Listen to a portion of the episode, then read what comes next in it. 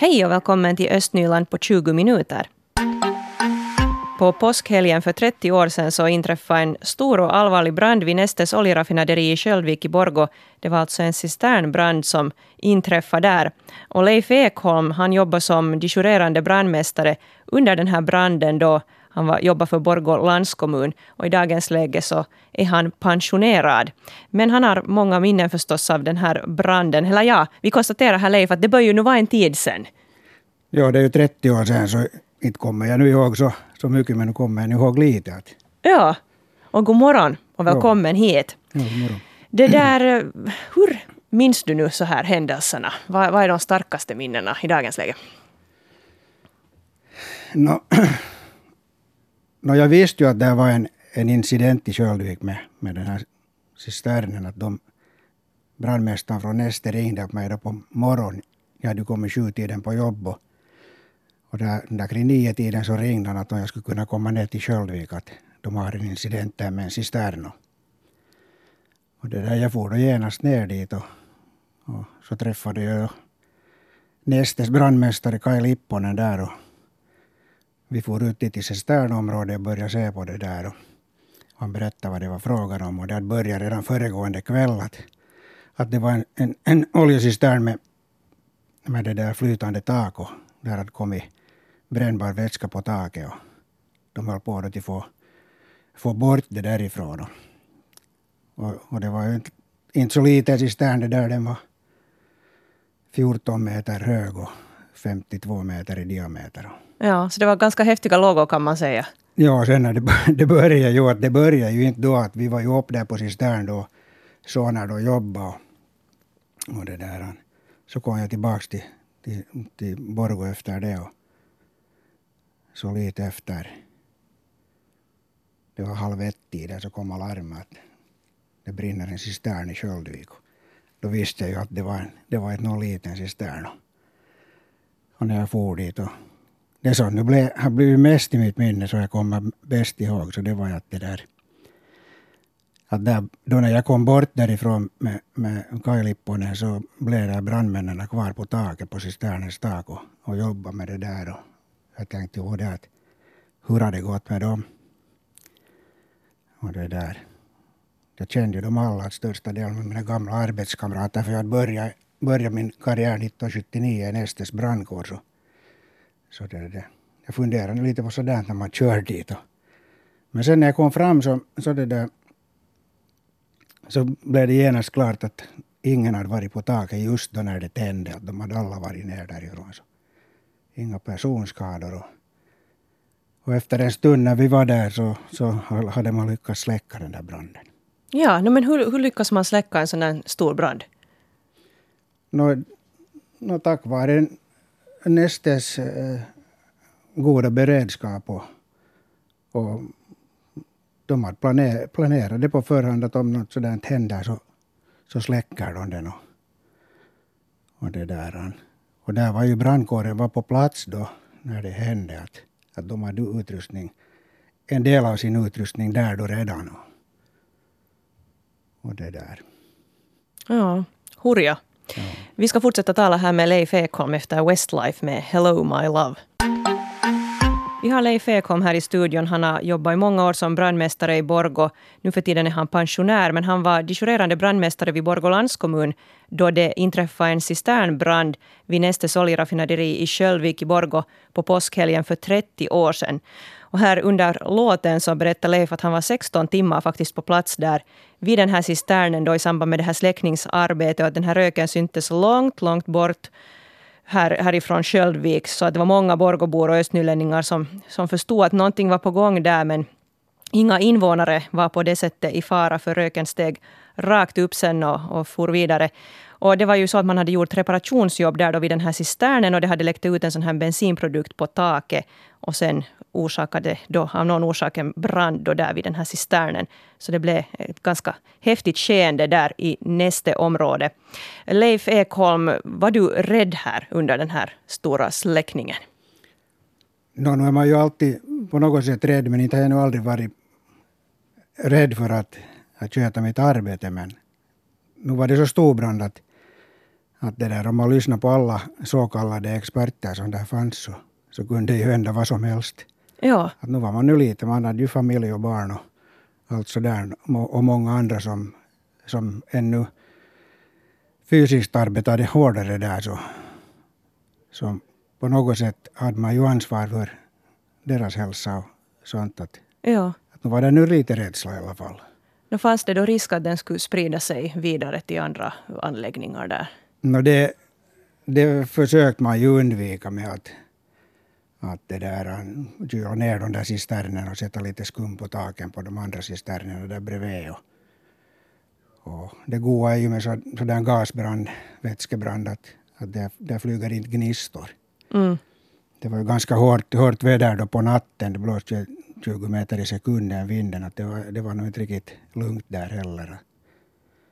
Och, det där. och sen att, att det att, att cisternen skulle rämna och, det där vätskan skulle hamna ut i, i de där skyddsvallarna och på det sättet göra branden ännu större. Så det hotar ju många, många med, men enligt Nestes experter som förstod sig på metall, metall och, och, och brand så de sa att den kommer inte att rämna.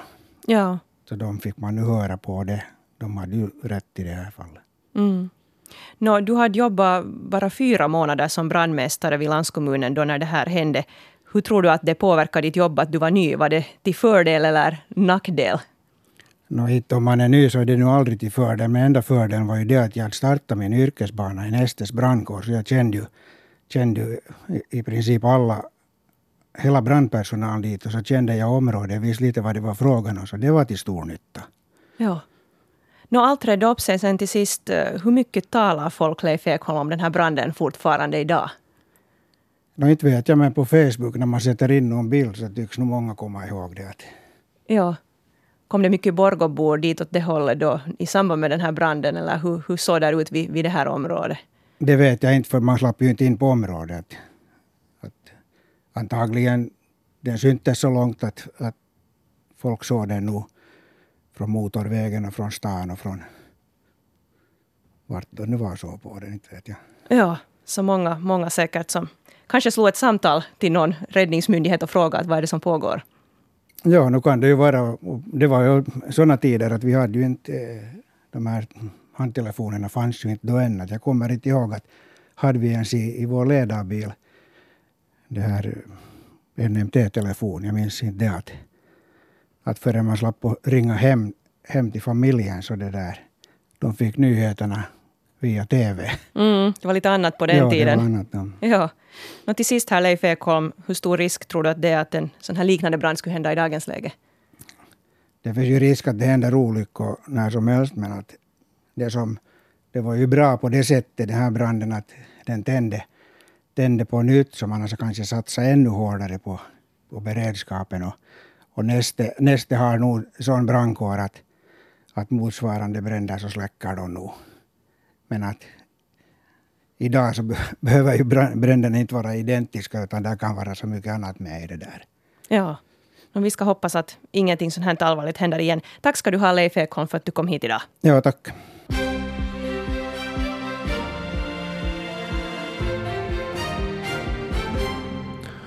Klockan är halv åtta, nu senaste nytt från Östnyland. Jag heter Stefan Härus. God morgon. Lovisa hamn ansöker om att få hantera metallavfall. Verksamheten kräver ett nytt miljötillstånd vilket hamnen ansökt om hos regionförvaltningsverket i södra Finland. Man beräknar att cirka 100 ton metall ska skäras i bitar varje dag. Totalt handlar det om en mängd på 30 000 ton metallskrot årligen. Skärningen ska utföras som ackordarbete och på ett område med dagvattendränering. Stadsstyrelsen i Lovisa godkände igår stadens utlåtande angående Lovisa ansökan. Och mera nytt från Lovisa. Företaget Loval upplever ett kraftigt uppsving och investerar miljontals euro i hemstaden. Loval ska utvidga med hjälp av en nybyggnad på 4400 kvadratmeter. Dessutom förbereder man sig inom företaget på att också anställa ett tiotal fler personer inom de närmaste åren. Företaget tillverkar elmotstånd för bland annat bastuugnar och vatten och kaffekokare. Nu kan invånare lämna förslag om och, och anmärkningar som gäller förteckningen över övervakade eh, badstränder i flera östnyländska kommuner. Under sommaren övervakar miljöhälsovården i Borgo Eh, badsträndernas vattenkvalitet i Borgo, Sibbo, Askola, Borgnäs, Lovisa och Lappträsk. De övriga strändernas och badplatsernas säkerhet och vattenkvalitet övervakas inte. Miljöhälsovården vill ha in eventuella kommentarer per post eller e-post senast den 10 april. Mer information och en lista på badstränderna som redan övervakas finns på Borgostads webbplats. Så en utnämning. Borgostads nya vårdchef inom social och hälsovården heter Katja Blomberg. Blomberg är magister i hälsovetenskaper. Hon inleder sin tjänst som vårdchef vid Borgostad i början av maj. Vårdchefen ska leda vårdarbetet inom primärvården, utveckla tjänsternas kvalitet och säkerställa vårdpersonalens kompetens. Tjänsten väckte stort intresse bland sökande. Och ett sportresultat. PSS innebandydamer från Borgå förlorade den tredje kvartsfinalmatchen mot Classic från Tammerfors. Matchen på hemmaplan slutade 1-5 och ställningen i matcher är nu 2-1 till PSS. Om PSS hade vunnit hade laget nått semifinal. En ny chans får PSS på lördag på bortaplan. Vi presenterar här på Yle Östnyland i tur och ordning de nio etablerade partiernas östnyländska kandidater utgående från hur de har svarat på frågor i valkompassen, alltså nu inför riksdagsvalet. Och varje parti presenteras enskilt både på webben och i radio. Och det var i februari som vi skickade e-post till partierna och bad dem rekommendera en till tre kandidater som talar svenska. Och de fick då själva ställa de här kandidaterna i prioritetsordning. Och vi bevakar ju då Sibbo, Borgå, Lovisa, Lappträsk, Mörskom eller Pyttis och de kandidater som kommer från de här kommunerna. Och nu är det Samlingspartiet som är i turen och vår reporter Mikael Kokkola har tittat närmare på kandidaterna. God morgon. God morgon, god morgon. Jo, jag har gjort det. Det är ju inte så många kandidater. I, i Nylands valdistrikt så har Samlingspartiet ställt upp då eh, 36 kandidater. Två av dem kan vi väl kalla för då östnylänningar. Det handlar om Nina Uski från Borgo och Sibabon Heikki Westman. Och båda två är ju mycket aktiva lokalpolitiker. Nina Uski hon är företagare inom reklambranschen och sen då fullmäktige och stadsstyrelseledamot i Borgo. Heikki Westman eh, är jurist till sin utbildning och yrke och han eh, har då kanske en lite tyngre post inom kommunalpolitiken. Han är fullmäktigeordförande i Sibbo. Och de här två har i Yles valkompass eh, svarat på den, på frågorna, påståendena där och dessutom då utförligt nog motiverat sina ståndpunkter i olika frågor. Och du har bland annat nu då sett på hur de ser på klimatkampen.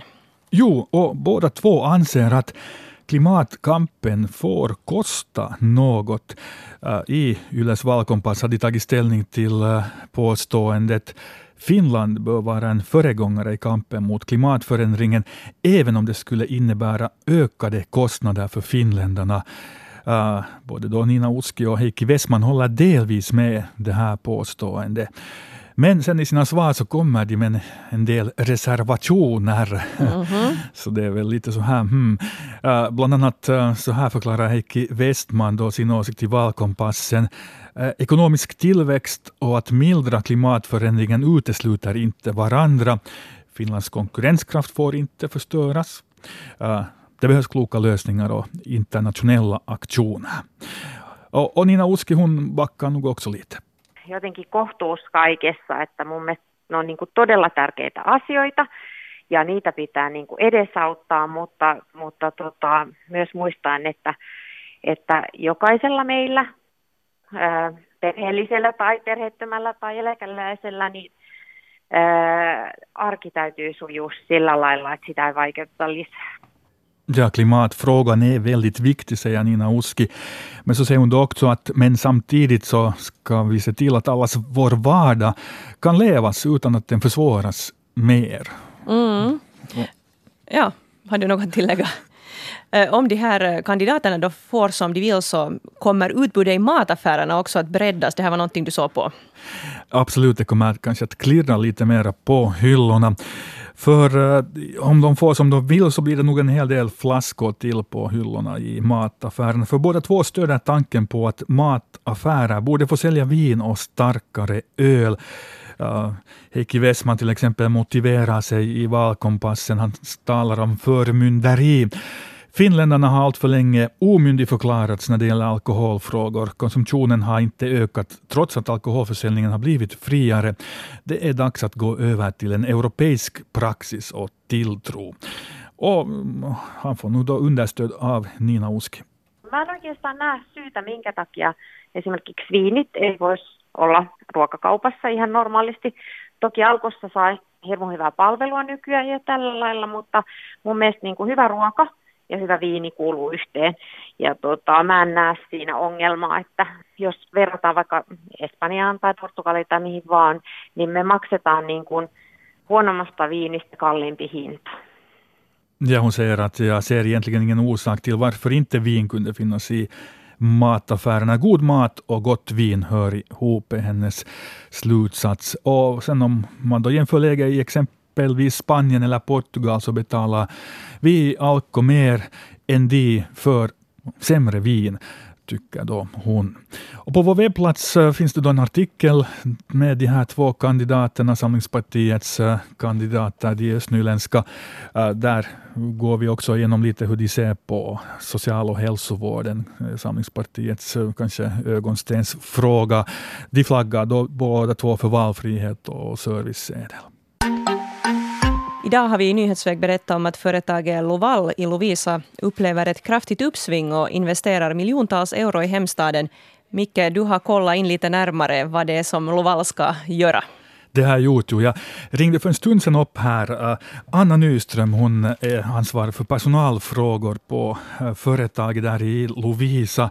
Eh, under åren har de redan anställt en hel del människor. De ska göra det också här i, i framtiden. Dessutom så bygger de till där. Det ska bli en stor ny produktionshall. Så jag bad henne ja, lite sådär försöka förklara i, i vilken fas hela företaget nu finns, befinner sig i. No, nu skulle jag säga att alltså det är växande och det har, det har vuxit otroligt snabbt här under de två senaste åren. Ja, under de senaste åren har ni nyanställt eh, ja, upp till, till 60 personer. Och framtiden, hur, hur mycket mera människor har ni behov av? No, som det nu ser ut så kanske en 30 anställningar här in, inom de två senaste år, två följande år. Så att Eh, om det fortsätter så här. Hur lätt eller svårt blir det då att hitta mer personal i Lovisa-regionen? Det har, vi har, jag är väldigt glad över att vi har lyckats anställa så pass, så pass många här från orten eller eh, när, närorten att vi har ett kanske 30-40-tal personer anställda från, från Kotka och några kommer från Borgo. Och nu är det ju så att det blir svårare hela tiden men att jag hoppas i varje fall att, att vi i fortsättningen också får lokal, lokalt anställt här. Hurdana människor är det som ni söker? Eh, nödvändigtvis så behövs det ingen eh, visst yrke eller viss skolning för de här jobben. Till produktionen närmast det, är det fråga om nu. Och, men eh, det är den här attityden som är den där viktigaste. Att någon sorts sån här teknisk, beläggning, lägg, teknisk läggning är bra att ha. Men eh, nu är det den här attityden och att, att man är, är liksom villig och flexibel och, och så här. Och sen ska man ju vara förstås också villig att jobba i skift. Att vi jobbar både två skift och tre skift för tillfället när sätter ni igång med, med den här så att säga, nyrekryteringen? No, egentligen har vi ju hela tiden egentligen på gång att för tillfället så anställer vi sommarjobbare. Att vi anställer ett år, ett 30-tal sommarjobbare och, och den fortgår och, och efter som, som den här verksamheten växer så, så har vi ju nyanställningar sedan på gång. Och så här alltså Anna Nyström som är personalansvarig vid Lovalli Lovisa. Micke, vad allt sysslar de med egentligen där? Ja, jag var på besök där för några år sedan. Stora produktionshallar, linjer och, och mycket metall och, och, och, så här ser ut som, ja, som sådana verkstäder ser ut. Uh, men de gör elmotstånd för bland annat bastuugnar och, och ja, också till exempel vattenkokare och, och så här. Alltså metall som värms sen upp av ström och som alstrar värme. Östnyland på 20 minuter är en svenska YLE-podcast. Det finns flera poddar på arenan. Jag heter Katarina Lind. Tack så mycket för sällskapet. Vi hörs!